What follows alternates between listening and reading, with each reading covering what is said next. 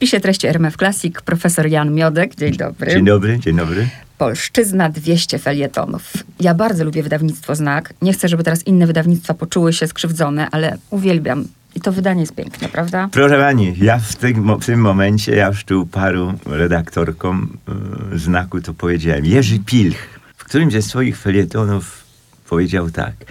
Człowiek miły w dotyku to coś więcej niż człowiek. Więc ja o tej książeczce, kiedy, się tak, kiedy ją tak pieszczę, bo ja bardzo lubię wąchać każdą książkę, to ja mówię o tej swojej książce, bo jaka tam jest jej zawartość, no nie wiem, ale ona jest tak miła w dotyku, że rzeczywiście mogę też powiedzieć, że to jest wydawniczo, edytorsko tak. najmilsza ze wszystkich tak. moich książek. Stąd moja przeogromna wdzięczność tak. wobec wydawnictwa Zna. Pozdrawiamy e, pana Jerzego Ilga, którego też bardzo lubię. To jego inicjatywa, tak, tak. tak. Ja jego zapytałem, czy byście mi to jeszcze, czy byście mi to wydali. Tak, on jeszcze był tuż przed emeryturą. Był, tak. tak, i dla mnie też ma znaczenie, ponieważ naprawdę jeszcze z pokolenia jestem, ja nie, nie czytam e-booków, y, ja muszę mieć... To samo ja. ja jeszcze ani jednego e-booka nie przeczytałem. Ja muszę powąchać, tak, oczywiście. Ja mam to samo, więc, więc piękna książka.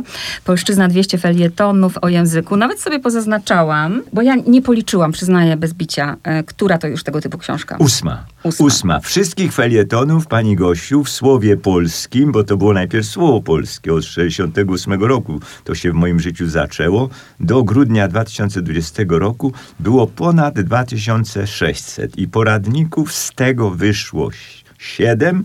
Ten to był ósmy. Ja najpierw dałem tytuł Od rzeczy o języku, bo taki był tak. tytuł tej rubryki, który, którą prowadził w latach 50. przede mną Stefan Reczek we Wrocławiu. On potem przeszedł do Rzeszowa. On mnie pytał z gramatyki na egzaminie wstępnym w 1963 roku. Więc ja po Stefanie Reczku tę rubrykę, tę rubrykę o, objąłem. Potem to już była gazeta, gazeta wrocławska, więc ja tych, powiadam, y, felietonów uzbierałem ponad 2600 i to jest ósmy zbiór. Ósmy zbiór. Ósmy tak. zbiór. Piękna przygoda. Jak ja pomyślę, ponieważ zaczęliśmy też mówić e, tutaj, nawiążę słuchaczom, e, czy wierzymy w przypadki, czy przeznaczenie, to dla mnie, ponieważ ja absolutnie nie wierzę w przypadki, kiedy ja, kim jest profesor Miodek, wiem od zawsze, wychowana na jego książkach, potem studentka, a mhm. teraz jesteśmy, w, po prostu aż łzy mam w oczach, jesteśmy teraz w RMF no, Classic ja i rozmawiamy. To jest po prostu to coś jestem. niesamowitego. Coś niesamowitego. A jak pamiętam, jak jeszcze była mała moja siostrzenica i ja coś opowiadałam i y, mówię, profesor Miodek, wszyscy wiedzą, kim jest profesor Miodek, a ona wtedy jeszcze nie, nie wiedziała, bo była malutka. Miodek jest pyszny. O mój Boże. I coś w tym jest. No nie? panie, tak, to, to, to, to, ja też, to jest nomen nomen miód na moje serce. Mm, jesteście państwo Państwo moimi tym takim pokoleniem i najwierniejszym, bo jako małe dzieci oglądaliście y, wszyscy ojczyznę, polszczyznę i, i stąd to są te miłe zaczepienia na ulicy. Bo wie pan, ja jako pan, jako małe dziecko z rodzicami, a teraz ze swoimi dziećmi pana słucham. No to jest bardzo, bardzo miłe i, i warto było żyć, żeby coś takiego przeżyć. I to, co ja muszę powiedzieć, ja bardzo nie lubię się bać, a wielu rzeczy się w życiu boję. I to, jak ja się czuję bezpiecznie przy panu profesorze, to jest coś niesamowitego, bo przeważnie, gdybym ja teraz miała w głowie, mój Boże, wybitny językoznawca, ikona telewizji. Czyha na błędy, tak. No a ja się czuję bardzo bezpiecznie. I to jest, to jest dla każdego w ogóle ucznia, studenta, myślę, niezwykle ważne, że pan profesor nas uczy, jest dla ludzi, ale nie, nie właśnie po to, żeby ludziom wytykać błędy. No, no tak jak w innej rozmowie miałem tu okazję powiedzieć, że moi rodzice, zwłaszcza mama, brzydzili się bicia, brzydzili się jakiegoś rygoru, szacunek, oczywiście, punktualność, słowność. Masz wrócić o dziewiątej, to ja za minutę dziewiąta byłem, ale nie ze strachu, tylko z miłości do rodziców, żeby mama, tata, żeby się nie denerwowali. Wie pani, takim samym byłem ojcem, no, no, no bardzo liberalnym, bardzo łagodnym ojcem. I takim starałem się być wobec studentów. Co to za satysfakcja, że mnie się student boi? Co to za satysfakcja, że dziecko się mnie boi? Bałem się ciebie jako, jako taty, jako ojca. Byłoby, byłoby to coś dla mnie bardzo, bardzo przykrego. Więc tak samo tutaj Proszę pani, ja znam życie. Co drugi serdecznie do mnie nastawiony człowiek, żegnając się ze mną, mówi: No to życzę panu powodzenia w tej walce. Ja wtedy mówię: Proszę pana, ja Ja nie walczę. Ja ludziom chcę uświadamiać niektóre ich zachowania językowe, te, które no, są odchyleniem od obowiązującej normy, ale chcę pokazać przyczynę tych odchyleń i chcę być dla ludzi, jak długo będę żył, spolegliwym doradcą, spolegliwym w tym znaczeniu, powiem żartobliwie, kotarbińskim, bo to profesor Kotarbiński w swoim traktacie o dobrej robocie prowadził pojęcie opiekuna czy człowieka spolegliwego, czyli takiego, na którym można polegać. Rodacy trochę zmarnowali to słowo. Usłyszawszy ten rdzeń leg, ten sam, który jest w słowie uległy, dzisiaj się wiesz, idź do Jurka, on jest taki spolegliwy, on się na pewno zgodzi. I to ma być ten Jurek uległy. Mhm. Nie, Jurek ma być spolegliwy, czyli ma być takim człowiekiem, na którym można polegać. Więc ja chciałbym być takim spolegliwym belfrem od języka polskiego. Proszę powiedzieć kompozycyjnie, czy to już jest robota wydawnicza? Jak to jest poukładane? Czy, czy to jednak... Proszę pani, było mi dużo łatwiej. To jest tak Karl Dedecius, ten najwybitniejszy tłumacz literatury y, polskiej w Niemczech, powiedział mi, to jeszcze było w czasach, kiedy nam było jakże daleko do elektroniki, no a w czasach do 89 roku też nam było daleko do takich środków technicznych, którymi dysponował Niemiec w Niemczech Zachodnich. Więc pamiętam, jak Karl Dedecius powiedział, no, który no, był tytanem pracy, pracowitości, to jak to zawsze mówił, pomaga mi technika, pomaga mi technika. No, I on to mówił, starał się tutaj łagodnie na nas patrzeć, ale był człowiekiem niezwykle skromnym i, i, i, i mówił, że technika mu pomaga, że bez niej na pewno nie byłby taki wydajny. To pani Gosiu, mogę pani powiedzieć, że praca nad tą książką dzięki elektronice, dzięki komputerowi, dzięki kopiuj wklej, no była, no nie zmierzę tego, ale sto razy łatwiejsza niż praca przy pierwszym, drugim i jeszcze tym szóstym i siódmym poradniku, kiedy proszę pani do wałka się wkręcało chciała pani mieć, no powiedzmy pięć kopii, no to były cztery kalki, prawda? I to się układało, że było ono równe. Jeszcze słyszę ten zgrzyt, prawda? Pierwszy do Eriki Enerdowskiej, a z Niemiec zachodnich se przywiozłem Olimpię. Wie pani, co to był za szpan? Powiem językiem młodzieżowym, bo to była elektryczna maszyna, jak ona cichutko chodziła. Często mi się podwójne czcionki wbijały, bo za mocno przyciskałem, a ja mogłem muskać tylko klawiaturę, wie pani to jest nieporównalne. W tym więc sensie no, praca bardzo, bardzo łatwa. A potem pedanteria absolutna pań redaktorek. Ja jeszcze się nie zetknąłem z tak scjentyczną korektą książki. Proszę pani, każde uściślenie, każda poprawka, Mogłem tylko w myślach powiedzieć, Jezus, Boże, jak ja jestem im wdzięczny, że im się chciało coś jeszcze sprawdzić, uściślić. I z takim wersalem, panie profesorze, czy zgoda na to? Ja za każdym razem mówiłem, zgoda, zgoda, oczywiście, pełen podziwu, że znalazły mi jakąś nieścisłość.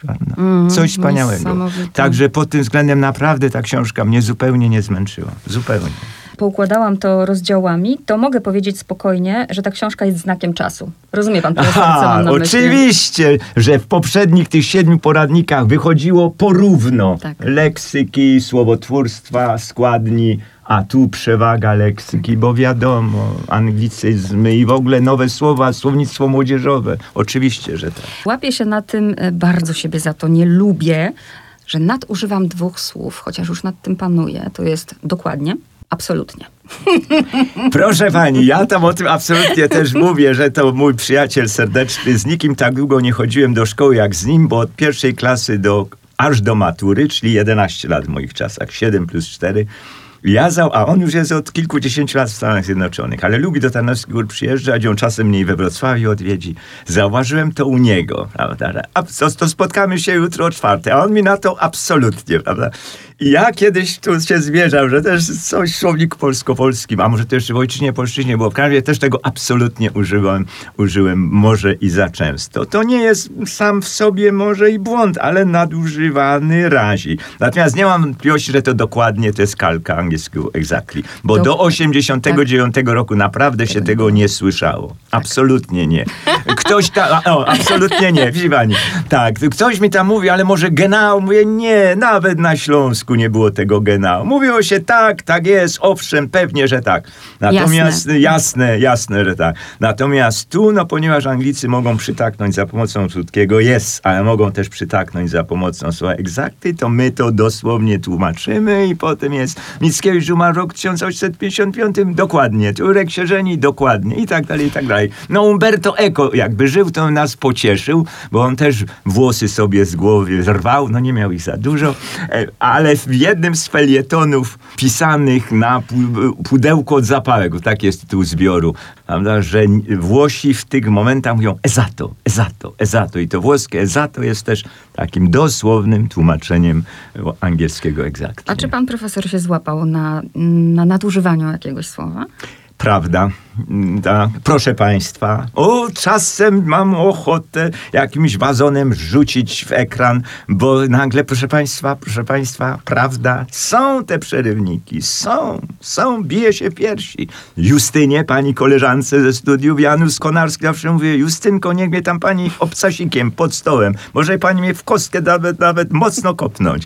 Tak, ona się śmieje, ale zawsze ją proszę, że mnie kopnęła w kostkę, tak. Coś, co mnie bardzo denerwuje. Mam kolegę, który ma przerywnik Prawda. Nie powiem jego nazwiska, bo wszyscy to nazwisko znają. Prawda? Prawda? Ale wie pani, jak on się ratuje? Mówi... Eee, więc wiem, jak u niego jest to, eee, to znaczy on ma tu ochotę mówić prawda, ale on wie, że on tego prawda nadużywa, więc ma takie, takie, takie westchnięcie, tak. Mój tata miał kolegę, który mówił, nie, nie był w stanie wysłuchać do końca zdania, bo mówił, co? Co? Co? I zaczynało się, co?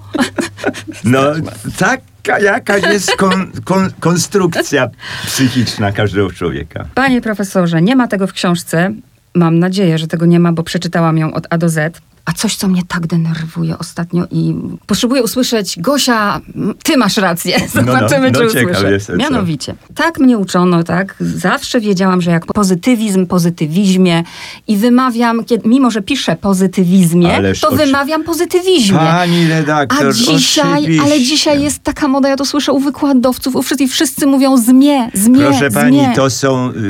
My się chyba jednak bardzo empatycznie wyczuwamy. Mnie to potwornie razi. To jest coś tak nienaturalnego. Jest miękka spółgłostka mie i najnaturalniejsze w świecie upodobnienie pod względem miękkości w romantyzmie, pozytywizmie, w kapitalizmie i tak dalej. Feminizmie. I oczywiście w feminizmie jestem nauczycielem, to dzieciątkom od pierwszej klasy mówię, słuchaj kotku, słyszysz tam zmie, ale piszesz zmie.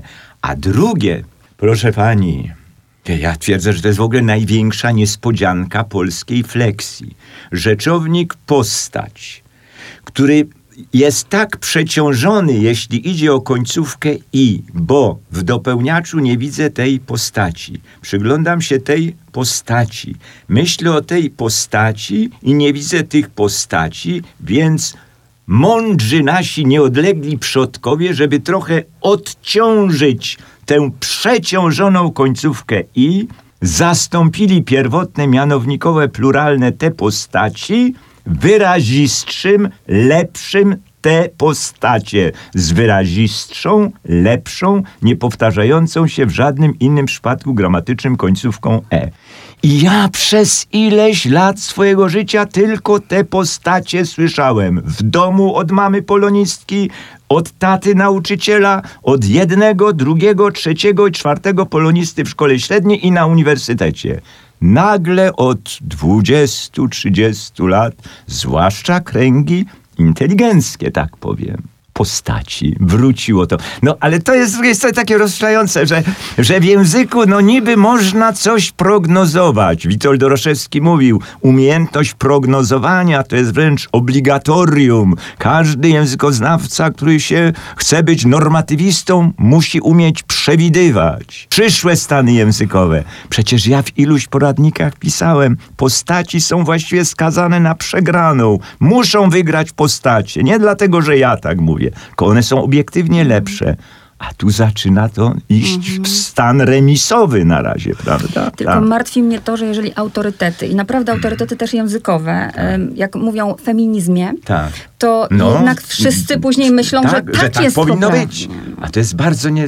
To tak, to tak, tu proporcją gardę, jak mówią Francuzi, to tak jakbyśmy próbowali zachować, ja wiem, bezdźwięczność półgłoski k w formie także. Zosia, a także Basia poszła na grzyby. No także, naturalne upodobnienie. I tutaj dla mnie to w tym pozytywizmie, w romantyzmie. Miałem, pani Gosiu, jednego tylko nauczyciela, który mówił zmie. To był jeden, jedyny, ale wszyscy mówili zmie. To jest tak nagminne i tak mnie denerwuje, że... Że aż hej, powiedziałby mój tata. Mój tata tak mówił, jakby że coś aż hej. dzisło. Jakby coś dzisło, tak jest. Tata Mamy mówił, jeszcze, mamy jeszcze 9 minut. Ja pozaznaczałam sobie milion rzeczy, ale jedna mnie rozbawiła niezwykle. No jak ja się śmiałam. Gdzież to było? Muszę znaleźć. Przychodnia lekarska? Nie. Nie, bo na Nie. korytarzu radia To, powiedziała mi gdzie- pani o przychodni tak, lekarskiej. To, gdzie pan Tam profesor odmówił spotkania. A, raz w życiu, no rzeczywiście, rzeczywiście, coś tam wymyśliłem, że mam termin zajęty. No trochę mnie to dobiło, prawda, że już nie byłem gościnnym wykładowcą, tylko guest speakerem, prawda? Tak, tak, guest No, speaker i no tu moja year. O, to, to, to, tak, no tu tego trochę nie wytrzymałem. No raz mi się to zdarzyło, rzeczywiście. Tak. Od tego właściwie to miałam zacząć naszą rozmowę. Jak żyć, panie profesorze? Jak żyć? Jak ten język tak się zmienia? Jak rozmawiam teraz z moją siostrzenicą 17-letnią i to już nie jest tylko język polski. Ja mam obsesję modnych słów. Wie pani, no, żyję już prawie 77 lat i mógłbym wymienić tych natrętów co niemiara. No to się wydarzyło tu, pewnie w tym studiu parę dni temu. Maraton krakowski tutaj, prawda? No.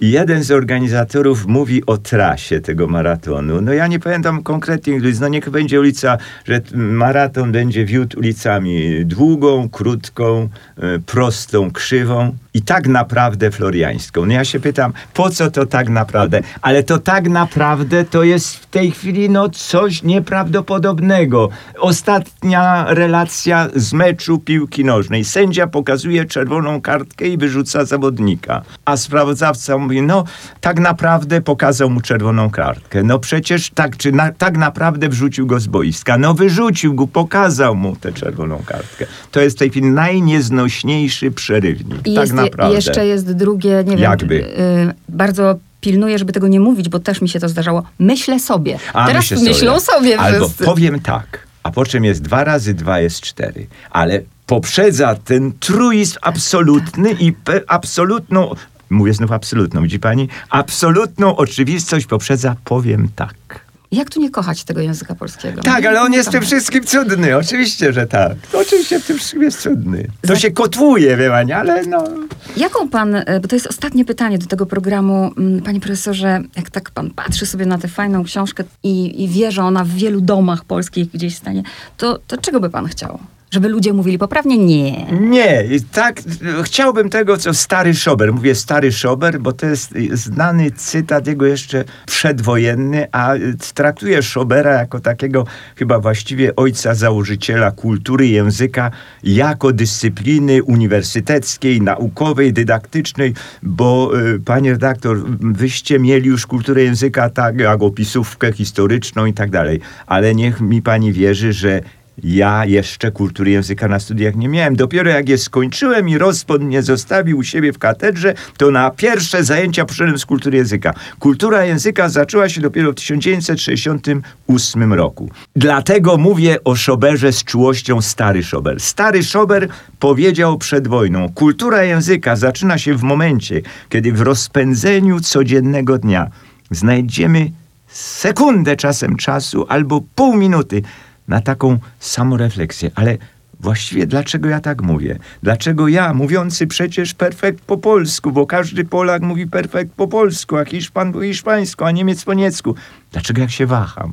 Czy wybrać taką formę, czy taką formę? Chciałbym, żeby to była taka kultura języka, czyli takie takie zatrzymanie się y, w rozpędzeniu codziennego dnia i jakiś taki moment refleksji nad, nad mową. Tak, myśmy się tu też wspólnie sobie uświadamiali, a może nie musiałem tego absolutnie użyć, a może to prawda jest za To częste. zawahanie. To zawahanie, może to proszę Państwa jest za częste. Bardzo dziękuję. Bardzo dziękuję za rozmowę. Bardzo dziękuję.